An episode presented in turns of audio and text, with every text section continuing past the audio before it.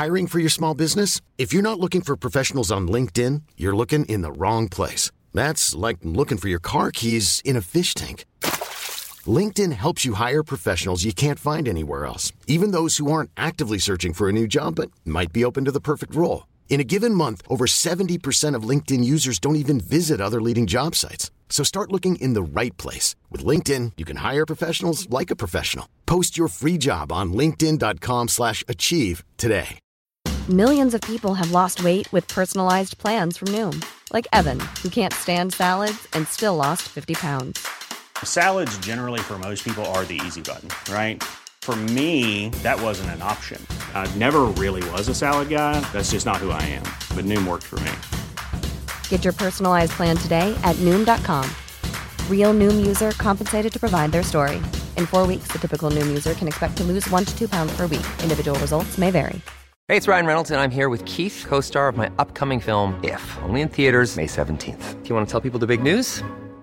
All right, I'll do it. Sign up now and you'll get unlimited for $15 a month in six months of Paramount Plus Essential Plan on us. Mintmobile.com slash switch. Upfront payment of $45 equivalent to $15 per month. Unlimited over 40 gigabytes per month. Face lower speeds. Videos at 480p. Active Mint customers by 531.24 get six months of Paramount Plus Essential Plan. Auto renews after six months. Offer ends May 31st, 2024. Separate Paramount Plus registration required. Terms and conditions apply if rated PG.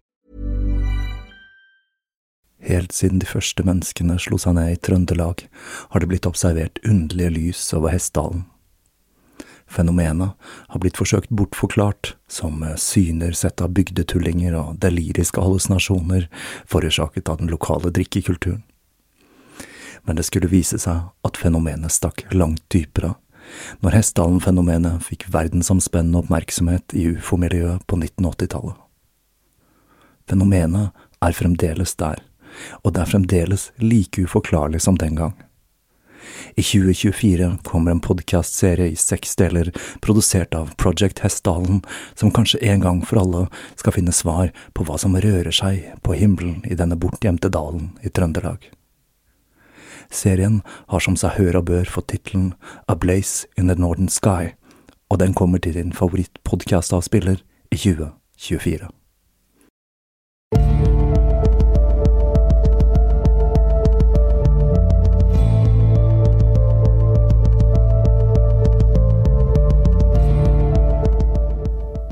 Hei og velkommen til Tåkeprat. Jeg heter Even, og når jeg tar opp denne episode 102, så er det søndag den 21. april 2019. Denne påsken så har jeg påbegynt prosessen med å flytte, og det er utrolig hvor mange ting man klarer å opparbeide seg i årenes løp. En vis mann fortalte meg en gang at det lønner seg å flytte hvert femte år, slik at man får ryddet og kastet, og dette er et råd jeg burde ha tatt til meg. Nå har jeg bodd her, jeg bor i ca. ti år, og jeg har fremdeles uåpnede kasser med skrot som var med på flyttelasset når jeg først flyttet hit. Og så var det kabelskapet. Det er et skap der jeg samler på gammel elektronikk. En 125 megabyte MP3-spiller er nok ikke like stas i dag som den var for 15 år siden. Og jeg er ikke helt sikker på hva jeg tenkte på da jeg tok vare på det første digitalkameraet mitt, en murstein av et 1,3 megapiksel Fujifilm-kamera. Kanskje jeg unnet muligheten for å starte mitt eget teknisk museum en gang i framtiden. Men til tross for at jeg hiver med hard hånd, så blir det massivt salg av ting og tang på Finn. Jeg har nemlig nådd det punktet i livet der jeg vil ha minst mulig unødvendige ting. Noe som er en sentral lære i flere religiøse doktriner. Men jeg har ikke tenkt å gå land og strand rundt som en pilegrim, riktig enda i hvert fall. I tillegg til å undres over hvordan jeg har klart å tilegne meg så mye skrot, så har påsken gått med til å forsøke å koke ned og destillere historien om Rasputin. Og det må jeg si, av alle temaer jeg har tatt for meg her i Tåkeprat, så er dette et av de mer utfordrende. Som jeg sa i forrige episode, så vil det bli noe språkrusk i denne serien. På samme måte som jeg i lang tid brukte ottomanerne framfor det korrekte norske osmanerne, så kom jeg til skade for å kalle tsaren for det engelske Nicolas, og ikke Nikolai med j, slik han skal omtales på norsk.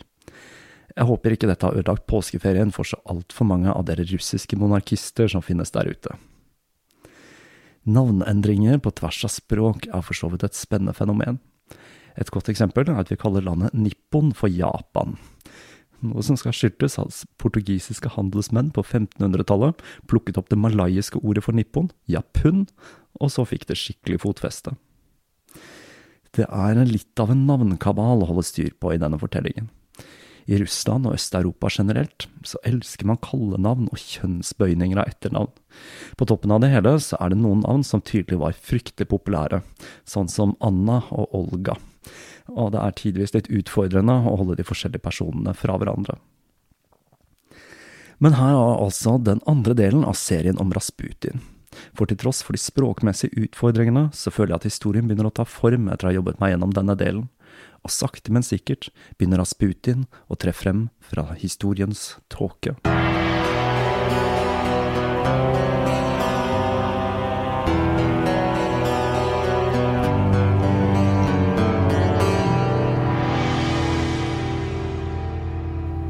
Vi skal ikke helt slippe taket i monsieur Philippe enda, til tross for at han fikk en dampdrevet bil og ble skytlet tilbake til Frankrike i forrige episode. Før han dro, så kom han nemlig med en profeti som skulle være av stor betydning. I tillegg til å forutse at en ny person kom til å overta hans rolle, så fortalte han at Nikolai og Alexandra ville få en sønn om de ba om hjelp fra Sankt Serafim av Sarov. Og som vi husker, så var en sønn og en arving noe de ønsket seg mer enn alt annet. Men det var en utfordring. Det fantes nemlig ingen slik helgen. På begynnelsen av 1800-tallet så hadde det vært en kjent starets ved nettopp det navnet. Han hadde levd det meste av livet i fattigdom og isolasjon, men til tross for at han ble ansett som en svært spirituell person av kirken, så hadde han ikke blitt kanonisert i helgen, fordi liket hans hadde råtnet etter han hadde dødd. Jeg er litt usikker på om dette er en skrøne, men det verserer i hvert fall i en historie om at vi råtner saktere i dag av mye konserveringsmidler i maten. Og jeg undres litt om dette påvirker kanoniseringen av helgener i nevnverdig grad, og om sannsynligheten for å bli helgen øker med mengden McDonald's man spiser. Men Nikolas han var ikke den eneveldende herskeren i Russland for ingenting. Så det han gjorde, han gjorde om på denne beslutningen til kirken, og beordret han kanonisert. Nicolas og Alexandra var med på seremonien sammen med 300 000 pilegrimer i juli 1903. De to vasset ut i det hellige vannet i Sarowa-elven den 19. juli i håp om at dette skulle bringe dem den arvingen de så desperat ønsket seg. Og utrolig nok, kun tre måneder senere var Alexandra gravid igjen og den 30. juli 1904 så fødte hun en sønn de døpte Alexei. Lettelsen var enorm. Endelig hadde tsaren en arving. Hele landet feiret, og en liten periode sto igjen tsaren og folket samlet. Den vesle gutten så tilsynelatende normal ut, men etter et par måneder så begynte det å skje underlige ting med han. Han hadde blødninger fra navlen og mørke flekker og hevelser på huden. Aleksej var en bløder, og gleden over å ha født en sønn ble erstattet av bunnløs fortvilelse. At Aleksej var en bløder, burde ikke ha kommet som et sjokk på familien, for dette var noe Alexandra hadde arvet fra sin familie, hvor flere hadde dødd av sykdommen. Det var også kjent at dette var en arvelig tilstand, og personer med blødere i familien ble frarådet fra å få barn. Fra tsarfamilien og fødselen til Aleksej så skal vi tilbake til Rasputin. For eh, Rasputin han gjorde et utslettelig inntrykk på de han møtte, enten positivt eller negativt, og det kan kanskje være på sin plass å beskrive han slik som folk i samtiden gjorde det. Det aller første man la merke til, det var øynene. Selv på bilder av Rasputin så er det åpenbart at det var noe spesielt med blikket hans. Øynene hans var grågrønne, og blikket hans blir beskrevet som brennende og skjærende, og fikk de han stirret på til å føle seg uvel. En kvinne fortalte at hun måtte løpe og ta skriftemål for å rense seg etter han hadde sett på henne, og en polsk grevinne brøt sammen i gråt når han så på henne. Det ble sagt at blikket var så intenst at det fikk kvinner til å bli hysteriske og falle sammen i kramper. Resten av Rasputin så ut som en gjennomsnittlig bonde. Han var av normal høyde, selv om han virket merkelig høy. Han var tynn og blek, med langt hår og et mørkebrunt, bustete skjegg. Han skulle ha vært svært sterk, fleksibel og hatt en veldig god kondisjon. I tillegg så virket han nervøs, og han fiklet hele tiden med noe, og da gjerne skjegget sitt. Han skulle også ha hatt en behagelig og myk stemme. Selv om Rasputin var kjent for ikke å vaske seg når han var pilegrim, så var han renslig sammenlignet med standarden blant bondestanden på den tiden, og han frekventerte badene både i St. Petersburg og Pokrovskoje jevnlig. Dette vet vi jo, ikke minst av alle fortellingene om at han badet med de kvinnelige følgerne sine. Rasputins penis har også vært et tema i ettertid, og det gikk lenge et rykte om at denne var blitt kappet av og tatt vare på, og at denne syltede penisen skulle ha blitt tilbedt som et fruktbarhetssymbol av russere i eksil i Paris. Ulike versjoner av denne penisen har dukket opp. En av disse penisene dukket opp i 1994, og når man, når man undersøkte den, så skulle det vise seg at dette var en sjøpølse. Men det var ikke slutten på visa, for i 2004 så åpnet den russiske legen Igor Knaskin det første erotiske museet i St. Petersburg. For i dag står utstyrt noe som mest sannsynlig er en syltet hestepenis. Ifølge Rasputins venn Aleksej Filipov så var det ingenting bemerkelsesverdig med kroppen til Rasputin, inkludert penisen. Utover det at han var usedvanlig muskuløs og i god fysisk form for alderen. Så historien om at penisen ble kuttet av i Hotell St. Pauli-stil, er nok noe som har oppstått i ettertid, som en del av mytologien som oppstår rundt Rasputin. Etter å ha blitt introdusert for tsarfamilien, så dro Rasputin tilbake til Pokrovskoje sammen med en del nye bekjentskaper han hadde stiftet i storbyen. Dette inkluderte fader Roman Medved, som var en nær venn av en av de mest kjente religiøse figurene i samtiden, fader Jon av Kronstadt.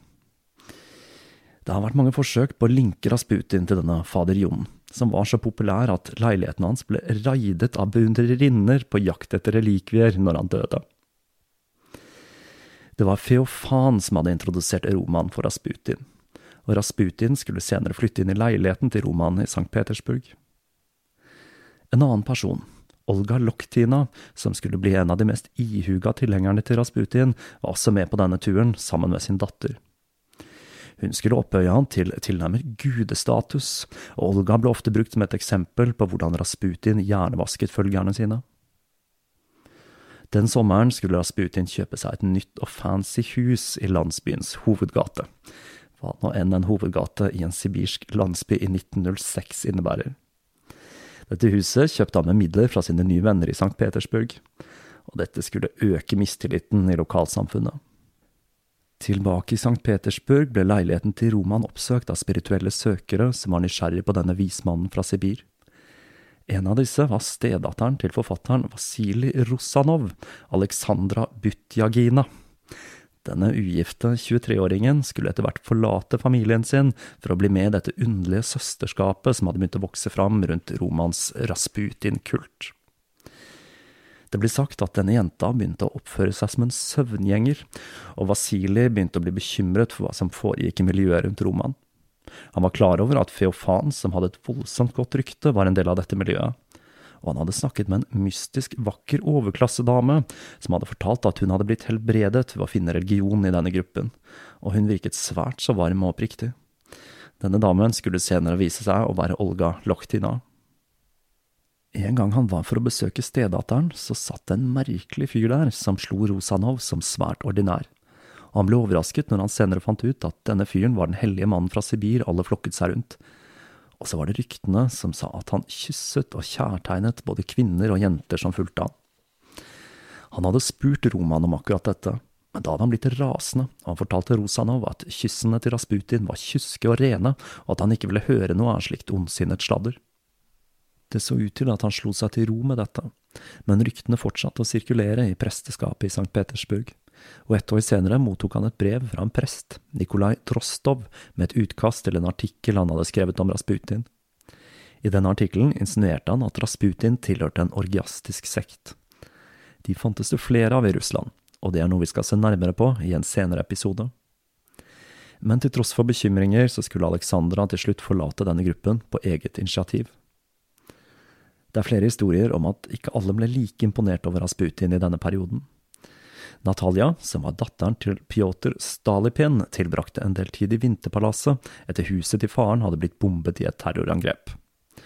Stalipin hadde en rolle tilsvarende en statsminister, så jeg kommer til å omtale han som en statsminister i denne serien. Stalipin hadde overlevd, men 54 mennesker ble drept eller såret i dette terrorangrepet, og Natalia, hun hadde brukket begge beina. Nikolai sørget for at jenta fikk møte Rasputin slik at han kunne be for henne.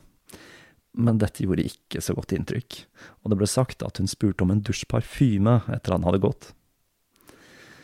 På samme måte så ble det litt ubehagelig når Rasputin oppsøkte Anna Obukova, som vi husker ble oppfordret til å snakke med Rasputin av Feofan i forrige episode. Når de møttes, så kysset han henne tre ganger, noe hun syntes var litt merkelig. Og merkeligere skulle det bli. Rasputin stilte henne masse spørsmål, inkludert hvorfor hun så på en så hard seng, og erklærte at jeg vet hvordan man elsker, jeg vet hvordan man elsker vakkert. På toppen av det hele så snakket han om sine bekjentskaper i aristokratiet, som han omtalte med uformelle navn, noe hun syntes var svært ubehagelig. Og han forsøkte å overbevise Anna om å bli hans spirituelle datter. Når han dro med uforrettet sak etter et par dager, så fortalte tjenerne at de var glad for at han dro, fordi de var redde for ham. Og så gjorde Rasputin noe underlig. Han sendte en forespørsel til tsaren den 15. desember 1906 om å få tillatelse til å endre navnet sitt til Rasputin Novi, eller Nye Rasputin. Det er litt uklart hvorfor han ønsket dette. Doble navn det var noe som var forbeholdt adelen, men Nikolai sørget for at han fikk det nye etternavnet sitt den 11. januar 1907. Men til tross for navnebyttet så var dette et navn han sjelden brukte selv og tsaren og tsarinaen de kalte han kun for Grigori, eller Vår venn.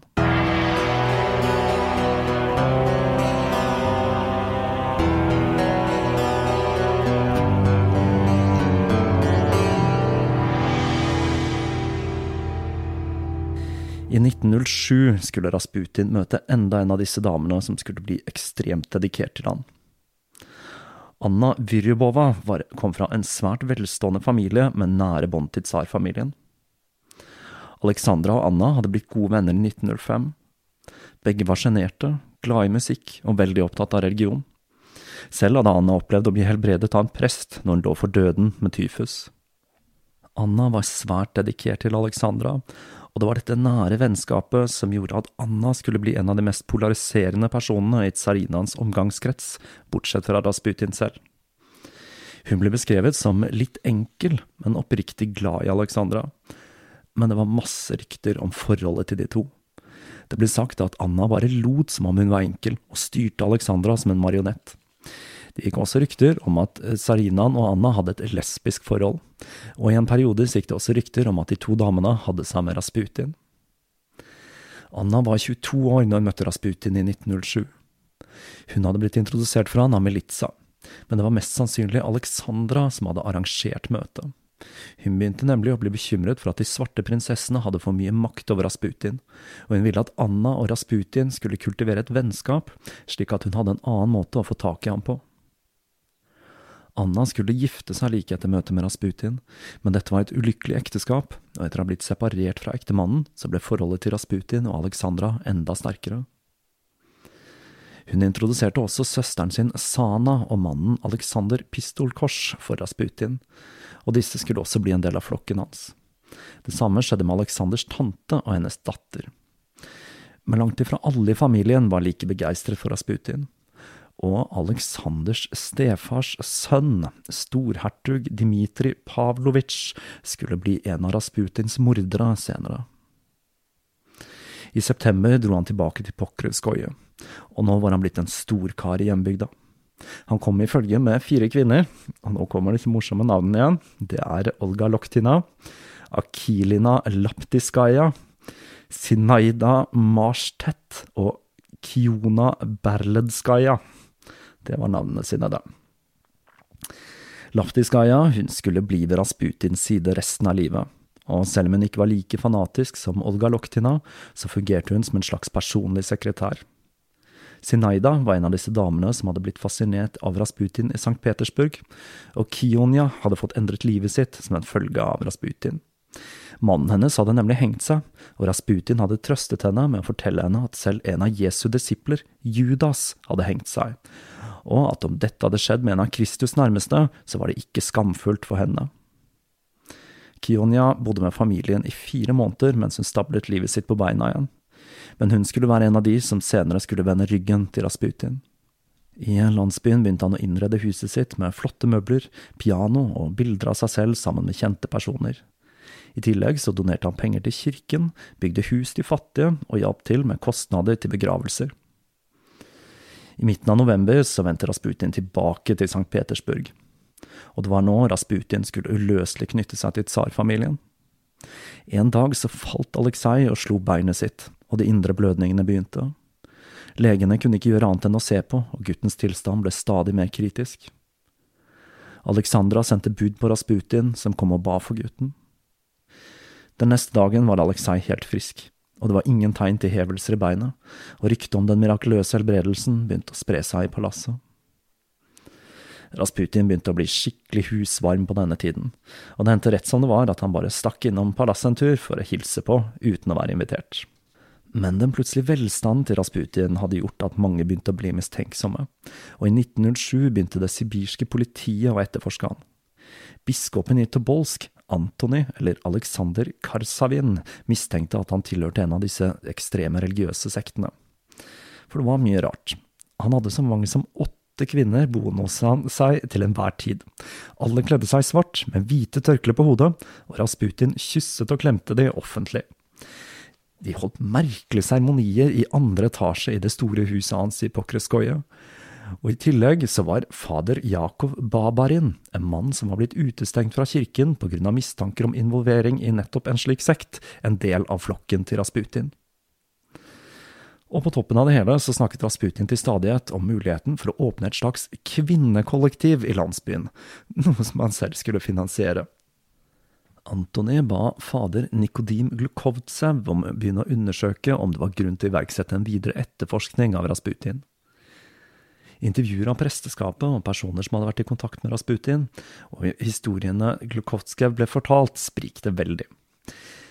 Landsbypressen, fader Ostrumov, som tidligere hadde vært svært skeptisk til denne selvutnevnte staretsen, fortalte at Rasputin hadde levd et eksemplarisk kristent liv, og at han fulgte alle de kristne høytidene.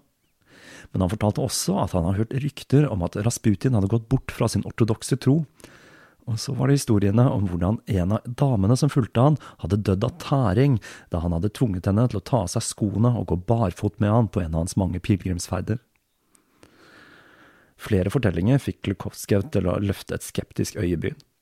Som hvordan han hadde forsøkt å få med seg flest mulig kvinner til å bade med seg for å fri dem fra kjødets fristelse og andre litt underlige praksiser, som at han hadde fortalt Jevdokia Karneva, en kvinne som jobbet ved den lokale kirken, at den hellige treenigheten hadde åpenbart seg for han en gang han hadde hatt sex med sin kone. I tillegg så ble han behandlet svært spesielt av denne gruppen med kvinner han omga seg med.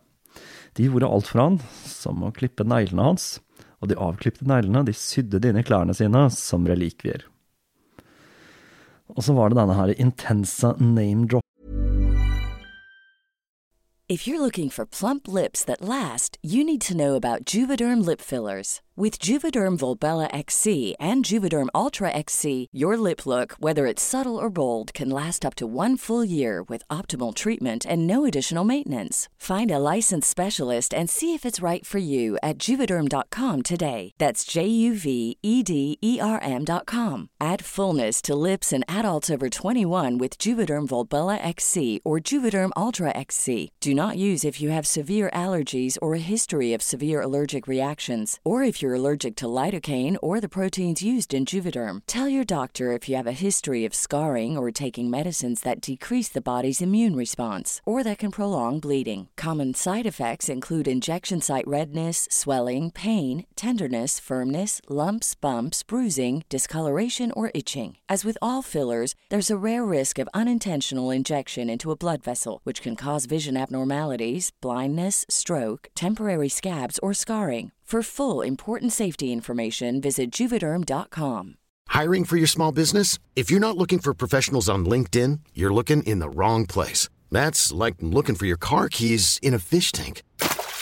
LinkedIn helps you hire professionals you can't find anywhere else, even those who aren't actively searching for a new job but might be open to the perfect role. In a given month, over 70% of LinkedIn users don't even visit other leading job sites. So start looking in the right place. With LinkedIn, you can hire professionals like a professional. Post your free job on linkedin.com slash achieve today. Hans, for Rasputin han gikk nemlig ikke av veien for å skryte av sine mektige venner i St. Petersburg. Dette førte til at Glukovtsev sammen med landsbypresten, politiet og tre andre fra landsbyen tok seg inn i huset til Rasputin den 2. januar 1908 for å se om han hadde en forbindelse til en ekstremsekt. Rasputin virket svært skremt når mennene begynte å ransake huset hans, men de fant ingenting som var mistenkelig, så de brukte de to neste dagene på å avhøre alle i huset. Rasputin fortalte historien om hvordan han hadde funnet Gud gjennom sine pilegrimsreiser. Grunnen til at han hadde kun kvinner boende hjemme hos seg, var fordi han var mye ute og reiste, og kona ikke ville føle seg komfortabel med fremmede menn, kunne han fortelle. Det var noe underlig med det hele. På den ene siden så ble det sagt at han var en god kristen som fulgte den ortodokse tro, men så var det alle historiene. Det var også uklart hva Rasputin faktisk fortalte følgerne sine, og de konkluderte med at en mer grundig etterforskning var nødvendig for å komme til bunns i saken. Men av en eller annen grunn så ble hele saken lagt død. Det er usikkert hvorfor, men det florerer flere teorier, som at det var tsarfamilien eller Feofan som hadde grepet inn. Like etter så bestemte Alexandra seg for å sende Fjofan med Rasputin til Pokrovskoje for at han kunne se med egne øyne hvordan livet der utartet seg, og for å se om det var noe i alle disse ryktene som florerte. Fjofan hadde ingenting negativt å melde tilbake til tsarinaen. Men turen skulle vise seg litt utfordrende for Rasputin. Alexandra hadde nemlig sydd en skjorte til han, og siden han var så glad i denne name-droppingen sin, så fortalte han alle at tsarinaen selv hadde sydd den, noe som førte til vantro og hoderisting. I St. Petersburg så fortsatte Rasputin å preke til følgerne sine. En historie som er litt artig her, er når Aleksander Pistolkors og en annen mystiker som var besatt av dommedag, prins Nikolai Sevakov, dro på en av disse samlingene til Rasputin. De kom inn i et rom fylt opp med raringer. Og Sevakov så en kvinne i hjørnet av rommet som så ut til å være like før hun tippet over av ekstase. Aleksander hvisket han i øret at det var Olga Loktina, som hadde forlatt familien sin for å være med Rasputin. Rasputin satt og knakk nøtter med hendene sine når han fikk øye på de to. Så han feide noen av kvinnene til side og ba de to sette seg noe som førte til at Olga begynte å gaule. Han er en helgen, han er en helgen, og Rasputin måtte benet være stille. Det han fortalte de, var at for de aller fleste i verden så var det ikke i kloster man skulle søke Gud. Han fortalte at det de skulle gjøre, var å gå vekk fra byen og langt ut i naturen. Og når ingen tegn på sivilisasjonen lenger var synlig, så skulle de stoppe opp og tenke på sin egen ubetydelighet i skaperverket. Han spurte, hva skjer med stolthet, ambisjon, makt og prestisje da? Dette er det første skrittet mot Gud, kunne han fortelle. Han fortalte dem at Kristus hadde sagt at Guds rike er inni oss selv, finn Gud og lev i Han og med Han. Sevakov ble dypt imponert.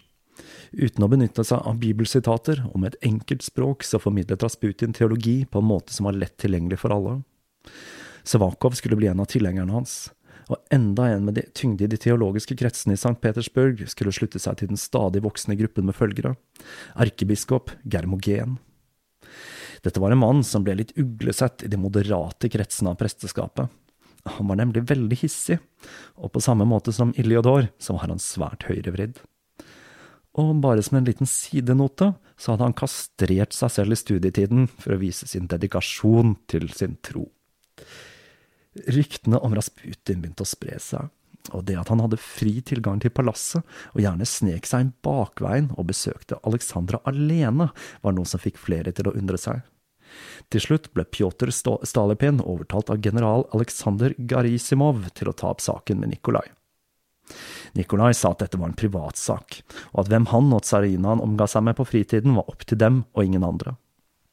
Stalepin ble forbauset over tsarens naivitet, og forklarte han at livet til tsarfamilien var offentlig, og at dette kunne være med på å sverte han og Alexandra, og at det var en fare for monarkiet. Nikolai gikk til slutt med på at han ikke lenger skulle møte Rasputin, og Stalipin ble overbevist om at han hadde lyktes i å nå gjennom til tsaren, men det hadde han ikke.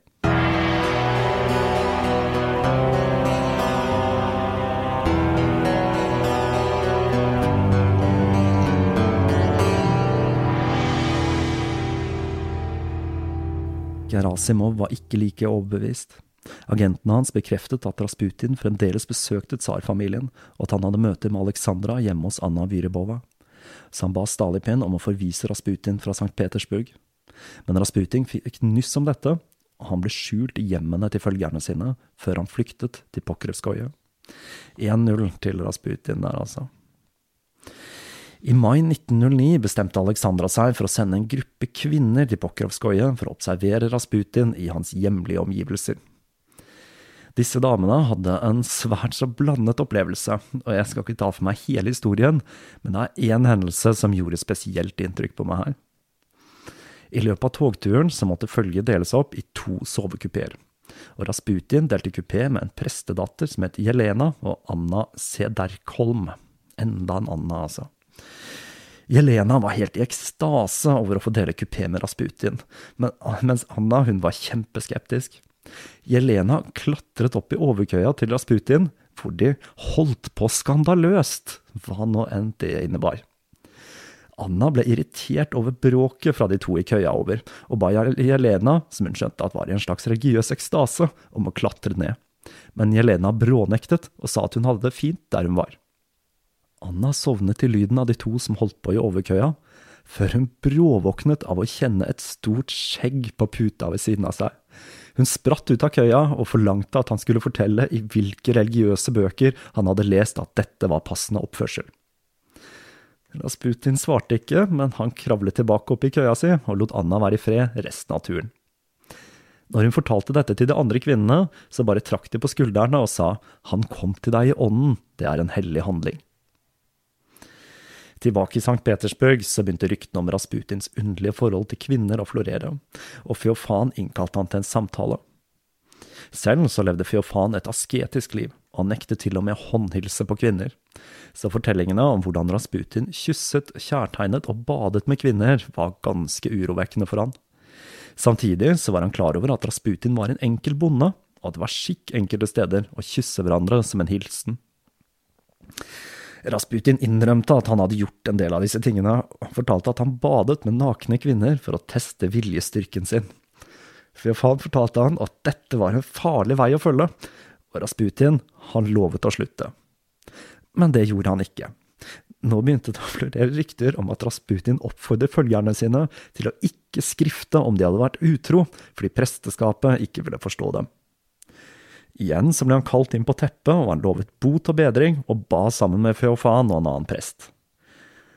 Men det hjalp heller ikke, og ryktene om at han fortsatte som før, nådde snart Feofan. Han oppsøkte tsarfamilien for å klage på Rasputin. Han ble ikke tatt imot av Nikolai, men av Alexandra og Anna Vyribova. I mer enn en time så forsøkte han å overbevise tsarinaen om at Rasputin led av spirituelle vrangforestillinger. Men Alexandra hun ville ikke høre noe av det, og Fjofan ble overbevist om at Rasputin hadde kommet han i forkjøpet og advart Alexandra. Han ble rasende og bestemte seg for å starte en kampanje mot Rasputin. Han fortalte Antony Vadkovskij om sine tanker om Rasputin. Antony var metropolitt i St. Petersburg, dvs. Si en slags biskop og en veldig viktig stilling i den ortodokse kirken. De to allierte seg med Sergej Lukjanov, som var overhodet for synoden, eller bispemøtet, eller noe i den stilen der. Og sammen så samlet de informasjon om Rasputin og hva han foretok seg. De ga informasjonen til Stalipin i håp om at han kunne få tsaren til å endre synet sitt på Rasputin. Men de lyktes ikke med det. Rasputin skulle også blande seg i den heksegryta som var russisk politikk på denne tiden.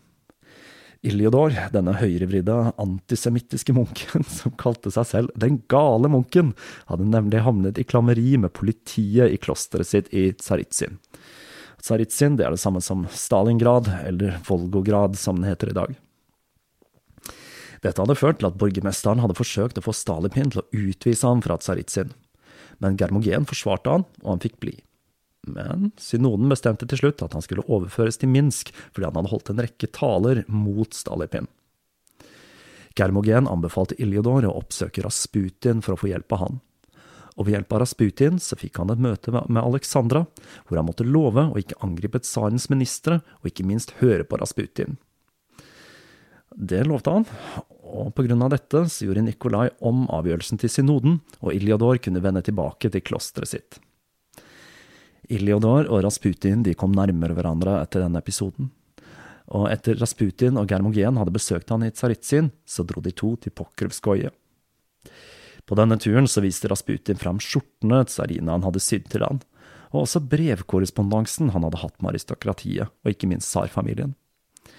Av en eller annen grunn spurte Iljodor om han kunne få brevene, og av en eller annen grunn så ga Rasputin brevene til han, og dette skulle snart utløse en skandale. Iljodor, som senere skulle bli en arg motstander av Rasputin, sa at han allerede i denne perioden begynte å tvile på mannens hellighet, men dette er mest sannsynlig en løgn. Rasputins hyppige besøk i palasset, hvor han gjerne besøkte tsarinaen alene på soverommet uten at Nikolai så ut til å bry seg, og hvor han hadde fri tilgang til barnerommet, begynte å skape en del spenning blant hoffet.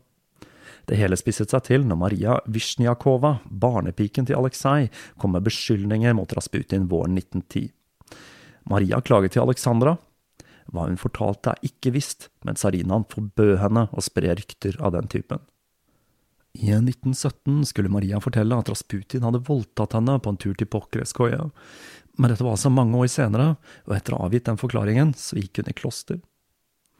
En av de som var svært skeptiske til at Rasputin hadde fri tilgang til tsarfamilien, var Sofia Ivanova Totsjeva, som jobbet til tsarens hoff.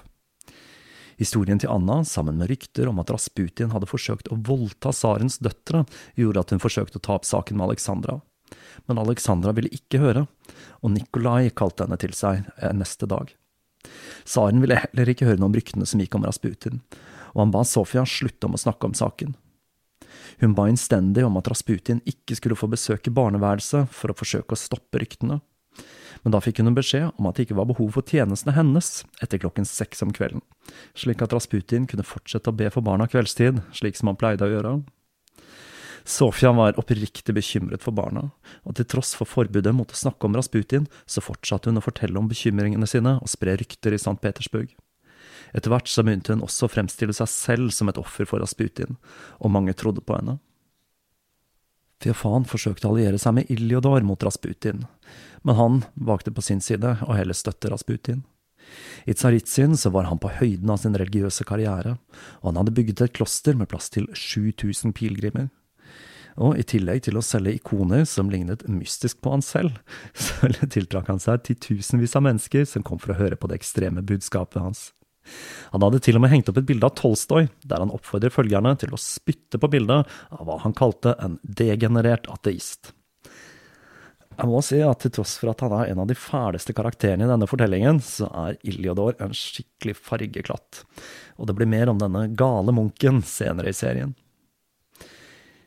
Siden Iliodor ikke ville bite på, så henvendte Feofan seg til Germogen. Men selv om Germogen hevdet at han brøt med Rasputin etter å ha blitt kontaktet av Feofan, så skulle han ikke bryte helt med han før i 1911.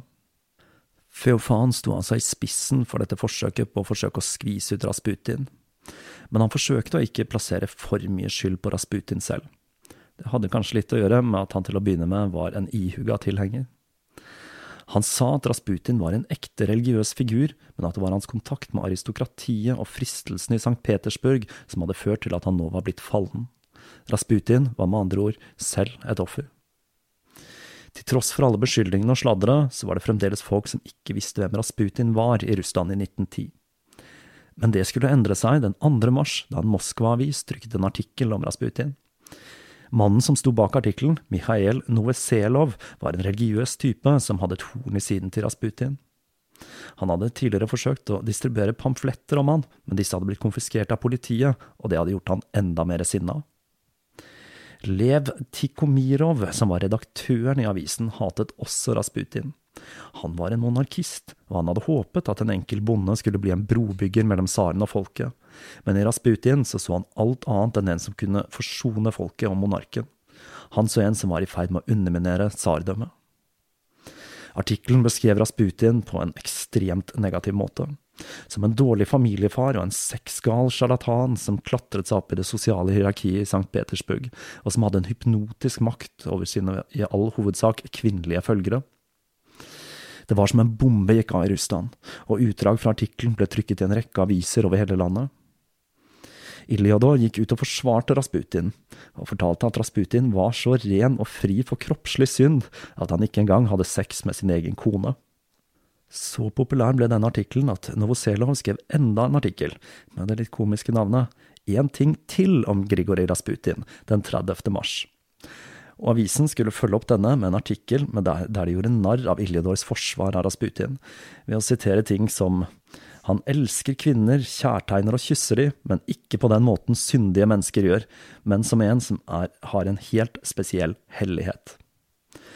Artikkelen ble fulgt av artikler i andre aviser, hvor påstandene ble drøyere og drøyere.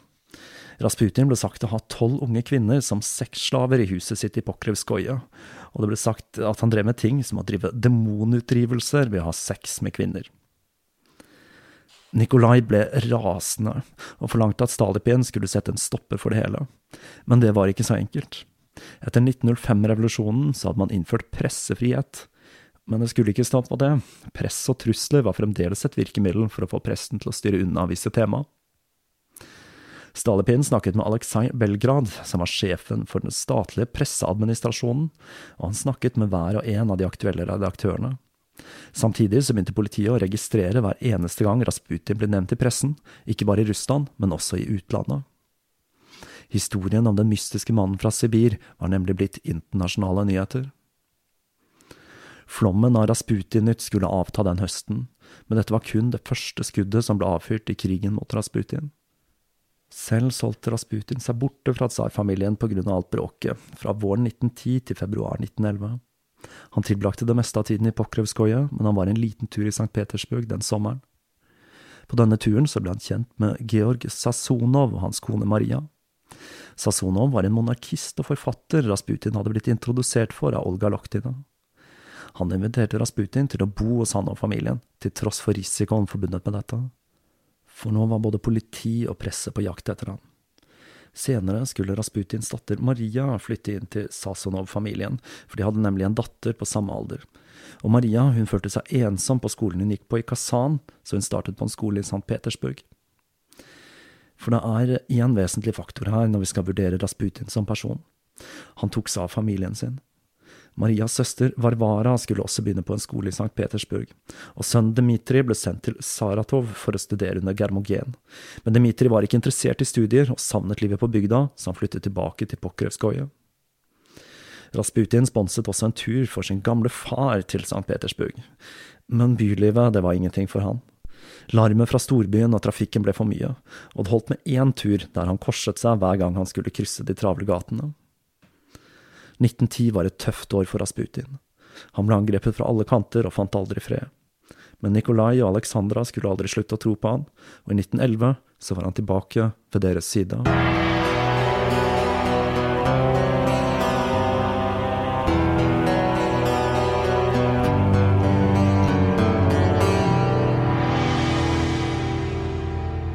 Og da var enda en episode om livet til Rasputin i boks. Som jeg startet denne serien med å si, så har jeg ikke helt bestemt meg for hva jeg mener om Rasputin.